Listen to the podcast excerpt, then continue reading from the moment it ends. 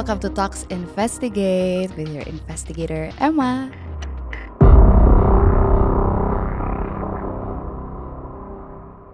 Hari ini gue akan membahas satu topik yang cukup light, um, seru-seruan tapi agak-agak creepy juga, yaitu the world of dating apps. Uh, tapi kali ini gue nggak ngomongin soal cintanya, nggak ngomongin soal gemes-gemesnya atau the positive outcome of dating apps, tapi about the bizarre stories yang terjadi di dating app.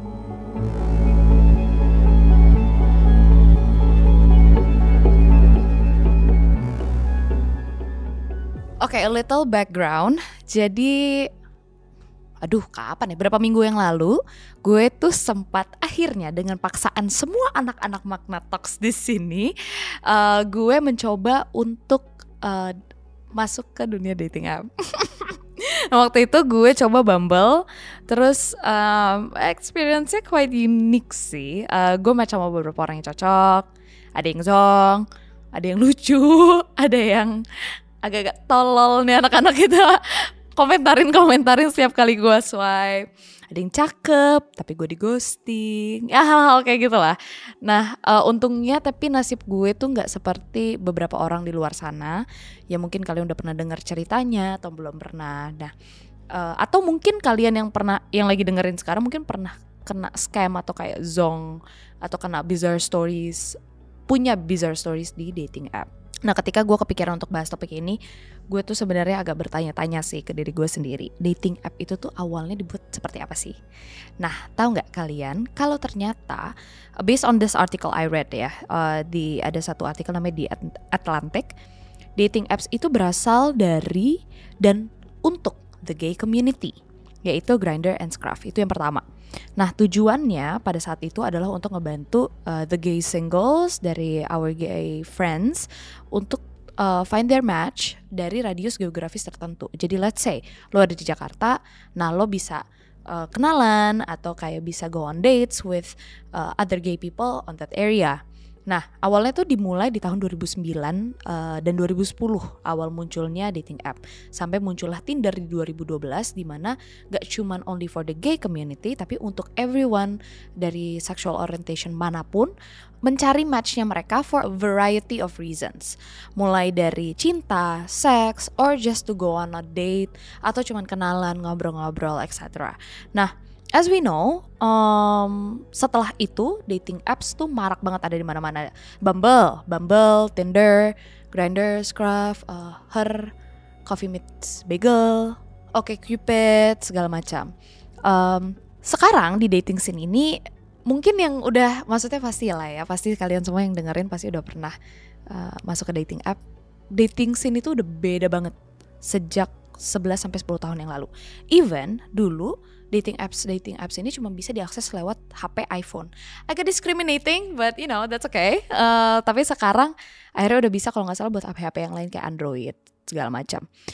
Yang tadinya kita ketemu pasangan di sekolah, kenalan di coffee shop, bars, uh, yang sekarang masih juga sih seperti itu. Tapi sekarang kalian bisa ketemu with the love of your life, sesimpel swipe right. Nah hari ini gue akan sedikit flashback ke dua kasus freak menurut gue di dating app yang kalian pastinya udah pernah dengar atau mungkin pertama kali dengar yang sayangnya membuktikan bahwa not all swipe rights is the right one. Oke, okay, by the way, hari ini gue ditemenin dengan Indi. Halo semua. Halo. ini hari ini akan uh, apa ya uh, nemen, nemenin untuk memvalidasi aja sih cerita-cerita uh, soal dating app karena uh, Indi adalah salah satu advocate gue untuk masuk ke dating app. Uh. And by the way, uh, welcome to a new concept juga of investigate. Gue sendiri mulai saat ini tapi uh, gue akan ditemenin dengan uh, teman-teman dari Magna Talks juga yang punya banyak cerita juga uh, dari topik-topik yang kita uh, bahas bareng-bareng. Oke, okay, let's go on to the story. So, salah satu cerita pertama ini datang dari uh, apa ya? Scam yang lumayan general sayangnya terjadi di uh, dating app yaitu uang.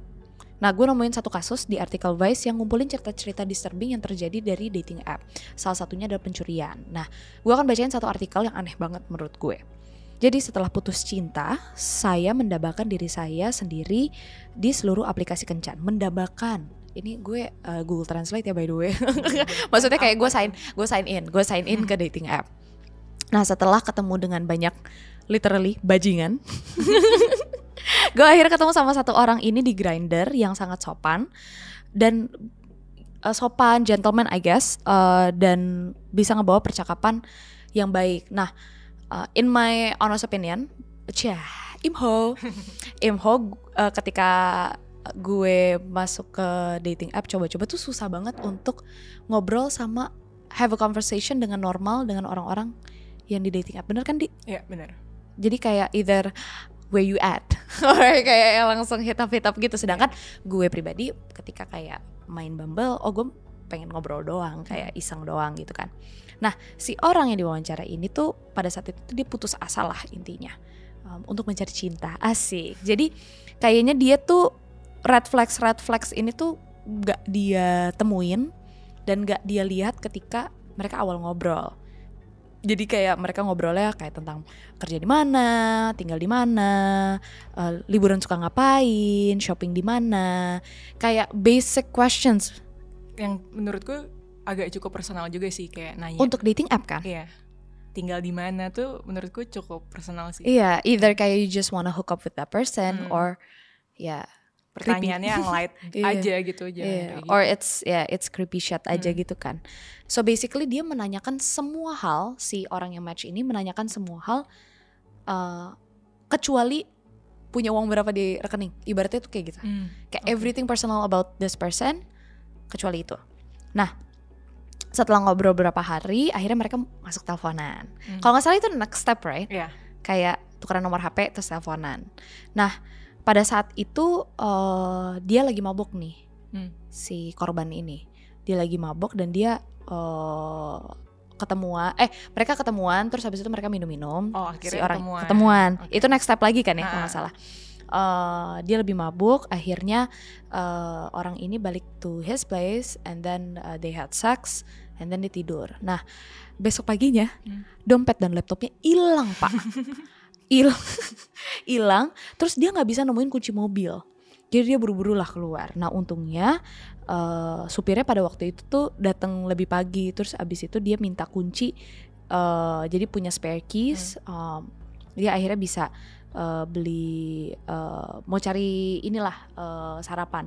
Hmm. Nah supirnya itu tuh sebenarnya udah kekeh, udah biar dia yang anterin. Tapi si date-nya ini eh, dengan sangat manis tuh menolak nggak mau diantar. Jadi akhirnya eh, dia berubah pikiran lah. Nah belakang-belakangan setelah their encounter ini mereka udah nggak ketemuan lagi I assume ada beberapa barang kecil juga hilang. So I assume ini berarti udah beberapa kali datang Iya, ke rumah pasti, gitu ya. pasti. Em, asbak, asbak, asbak. Mungkin di rumahnya nggak punya asbak. Hah, Satu lagi, lilin, lilin. Dia mau ngepet. Dia mau gepet. Terus um, a pair of very expensive shoes, oke. Even vinyl, vinylnya juga hilang. Hmm. Jadi kayak klepto ya ini ya. mungkin mungkin. Kayaknya klepto. Nah dia berusaha untuk ngelacak tapi nggak bisa nemuin di mana pun, nggak punya foto juga atau info konkret lainnya. So I think I think this victim tuh so desperate Hmm. dia nggak nanya balik tentang those personal information to the other one. Iya. Tapi kok bisa nggak ada foto? Maksud gue kan kayak the, di appsnya kan pasti ada. Hmm, Hmm. make sense. Hmm, oke. Mungkin Nah. di delete. Mungkin di delete. Mungkin, Iya. mungkin, mungkin di delete, langsung delete account gitu kan. Hmm. Dia kepikiran uh, untuk ke polisi, tapi ini bagian sedih sih.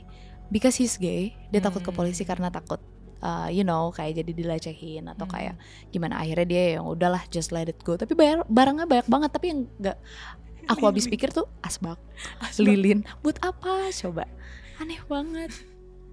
Nah, ada satu cerita lagi yang pasti ini semuanya udah banyak yang tahu. Um, ini tuh tahun 2020 tuh bikin ketar-ketir hampir semua orang lah. Hmm. Uh, sepengetahuan gue, cerita ini awalnya viral dari account at uh, Grey Sites di Twitter. Hmm. Tentang seseorang bernama Esa Dewala atau Leonardus Oh, atau dia. Po atau Iya, yang iya, lain. iya, Nah, iya, tahu, tahu, ini sebenarnya kayak cerita lama tapi this is ekstrim ekstrem sih ekstrim yang gue nggak nyangka bahkan ini terjadi loh di Indonesia gitu yang kita biasanya mungkin iya biasanya kan di luar ya udah lah gitu Ha-ha. tapi ini kayak bener-bener di depan mata gitu loh iya di Jakarta Di gitu. Jakarta, di Jakarta. Makanya. dan beberapa daerah lainnya by the way Hmm. nah bentukannya si eh, let's say Po lah ya bentukannya si Po ini tuh eh, dia tuh eh, a big guy he's thick brewokan kacamata to be really honest he has a sweet smile Hmm. kalau pas ngelihat pertama kali fotonya kayak oke he has a sweet smile tapi memang kayak apa ya I always believe orang itu terlihat aslinya dari matanya. Hmm. the eyes are kind of creepy tapi Hmm. he has a sweet smile. Bisa lah ya di swipe right gitu. Bisa lah bisa lah untuk kayak cuman iseng doang. Nah ternyata nggak semanis korban-korbannya kira even gue kira pada awalnya. Kasusnya dikabarkan udah ratusan dan identik dengan flirt-flirtnya template. Mulai dari bahas soal alis alis kamu gemes. Alis gemes. Alis gemes. Why? Terus sama bilang kalau dia tuh punya kosan daerah Mampang Jakarta kalau dia di Jakarta. Atau kalau misalkan kayak ngomongin pekerjaan kayak oh aku ini tuh orang penting. Jadi kayak pekerjaan-pekerjaan dia tuh penting-penting deh gitu. Siap orang penting. Siapa orang penting. Nah he's been all around the dating app dari 2013 sampai 2020 itu lama. Itu lama oke banget. I I match with this guy yang ternyata dia udah oh my god berapa lama ya? Dua, eh, setahun? Setahun setahun aja aku udah langsung kayak red Iya, flag. Iya. semua anak-anak di sini kayak udahlah first date lah first date lah. Tapi kayak no. No. Lo udah setahun di dating app menurut gue tuh udah ada sesuatu yang salah tentang lo. Ini Nah. aja 13 tahun dari umur aku 13 tahun sampai umur aku 20 tahun masih. Exactly. Tiga- 2013 sampai 2020 enggak 2020 sih. Tapi itu adalah lama kurang lebih orang kuliah. Iya makanya. Kuliah udah pakai main-main ngulang tuh. Aku lulus lu- lulus SMA nggak dari SMP aku lulus SMP SMA masuk kuliah itu. Itu. Basically dia main dating app ketika kamu bertumbuh iya besar. betul. Nah eh, ada korbannya yang kena palak banyak banget beliin MacBook Pro. Dia minta. Terus uang wifi transfer uang wifi transfer Gila. GoPay dan segala macam. Dan gak cuman itu he manipulates and guides uh, gaslight korban-korbannya uh, dan juga sleep around with his victim tuh pasti pasti Hmm, having sex. Pasti. nggak mungkin nggak. Nah bahkan ini oh this is the creepiest shit ever. Di tengah-tengah dia sedang having sex Hmm. dengan uh, date date-nya dia suka tiba-tiba ngerekam. Without consent. Bahkan tiba-tiba di tiba-tiba tengah-tengah. tengah-tengah terus dia ngerekam. Terus pernah ada yang kayak dia nggak mau lah direkam Hmm. kayak gitu kan. Terus dia kayak kenapa sih kok kamu kayak gitu ngegaslight kan kalau misalkan banget. ngegaslight banget kalau dia zodiaknya apa sih dia kayaknya adalah pip itu parah banget sih dan eh, kalau kamu buka at alis kamu gemash pakai h Hmm. itu tuh banyak banget barbuk-barbuknya. Ada yang bahkan udah nggak eh, dia ngaku kalau dia tuh ternyata hamil dari si Po ini. demi apa Jadi anaknya tuh ada di mana-mana. FYI. What asli asli. Nah, em, ada yang bilang eh, apa namanya? Yang dia tuh direkam tiba-tiba. Hmm. Dia bilang, ini aku screenshot eh, salah satu di highlight story-nya. Jadi kayak DM DM-an sama si Ali kamu gemas ini dan Hmm. orang ini yang punya account ini tuh kayak pengen expose lah soal si Po Hmm. ini. oke Eh, personally sebagai salah satu korban dia tulis, Hmm. aku nggak mau ngelapor eh, karena memang sex tape kita takut dia sebar. Hmm. Dapat perlindung perlindungan hukum nggak? Lihat kasus eh, revenge porn lainnya aja yang nyebar. Menurut kamu dapat perlindungan hukum nggak? Ditambah lagi dia tahu tempat aku kerja, dia tahu teman-teman aku siapa. Jadi kayak udah sampai pacaran gitu loh tipenya. wow yang benar-benar udah personal juga gitu ya. personal. Jadi kamu bayangin dia main dating app menyebar ke mana-mana Hmm. dan dia pacarin semuanya sampai berhubungan seks sampai ada yang Iya. hamil sampai diperas apa segala macam. Nah, eh gak kebayang kalau dia nyebar ke orang-orang yang aku kenal dia bilang gitu. Hmm. Bukan cuma sekali dia ngerekam, walau pertama kali ngerekam aku kaget dan di video itu kelihatan banget jelas aku nolak. Hmm. Abis kamera dimatiin dia gaslight semacam ini yang aku bilang kamu jangan kayak gitu dong kesannya aku kayak orang jahat maksa-maksa kamu kamu cuma bikin aku ngerasa brengsek padahal aku cuma mau ngerekam biar nanti kalau kita nggak ketemu aku bisa coli pakai rekaman kita bukan ngewe sama cewek lain emang brengsek bro emang nggak usah pakai kayak gitu lu udah brengsek duluan dia kayak ngambilnya kayak eh sebentar ya aku ambil HP dulu Iya. asli nah terus dia bilang gini tapi di realita yang dia kasih ke aku saat itu aku mana tahu dia bohong dan uh, ternyata tetap having sex sama cewek lain juga. Bahkan dari akun ini aku baru tahu dia hamilin orang di tahun yang sama dia masih berhubungan sama aku. Damn. Damn. Ada satu lagi uh, screenshot DM yang uh, aku lihat. Hmm. Pas datang ya dia kelihatan baik-baik aja pas ketemuan normal. Aku dipuji cantik semacamnya. Aku saat itu baru masuk kuliah dan teman-teman baruku di kampus suka bilang aku gendut, pantas aja nggak punya pacar. Terus Baru masuk kuliah. baru masuk kuliah. Berarti di bawah. Dia jauh, Wow. jauh jauh jauh jauh. I think I think he's um, kayak kelahiran 90 Oh wow. Kayaknya di atas aku sih kalau dari mukanya sih Hmm. lebih tua dari aku. Um, mamaku di rumah juga suka ngeledek aku gendut jadi datanglah satu cowok yang bilang kamu cantik kayak gimana nggak Hmm, Iyalah. kayak Words of affirmation. itu itu dan saat itu aku ketemu Dewala oh dia taunya namanya Dewala Dewala dan dibilang aku cantik aku ngerasa spesial aku ngerasa ada loh orang yang mau sama aku Hmm. yang gak nganggap aku sejelek orang-orang bilang makanya aku nurut apa pun yang dia minta karena aku nggak mau kehilangan itu Damn. Shit. Sampai akhirnya kita ciuman dan dia mulai grepe-grepe aku. Ingetin aku nggak mau lebih dari ini. Tapi dia nggak peduli, lanjut. Terus ya udah aku pasrah lama-lama mikir. Aku bilang ya udahlah, aku mau having sex. dia bilangnya sex terus. Apa? Kayak gue kalau ngomong having sex. Tapi aku minta dia pakai kondom. Dia langsung duduk. Stupid. Dia langsung duduk dan marah-marah dengan muka kecewa. Aduh, kalau ngebayangin aneh banget lagi creepy. Karena dia tuh kayak fake, ngerti gak? Iya, Brewokan, terus iya. kayak huf. Kayak bener-bener po dari Kung Fu Panda gitu. Iya, mau bubar terus dia ketika ngambek, ngakak banget. Kamu kalau nyuruh aku pakai kondom sama aja nyuruh aku tidur sama cewek lain. Hah, apa beda? Apa samanya sih? Ini ini orang aneh. Iya, aku langsung nurut ya udah akhirnya kita ngewe nggak pakai kondom. Nah, di highlights alis kamu gemas itu ada beberapa. Setahu aku tuh ada yang kena STI, ada se- ya, Ya, I mean like yep, obviously. Yeah. Uh, uh, uh. Terus abis itu em, hamil, anaknya ada yang udah. 4 tahun, asli Udah gede. udah gede. Aduh, itu ya lama misalnya misalnya sih, dihamilin umur dua- 2013 ya sekarang udah umur Ya belasan lah. 7, 8, 9, 9 Iya, tahun iya, misalnya ya. sembilan, Di kalau kamu buka nih alis kamu gemas itu terakhir eh, gue cek udah 74 bukti. Tujuh empat. 74 dan itu yang came out. Um, kita sama-sama tahu ketika hal-hal kasus ini terjadi, ini tuh seperti gunung es. Ya.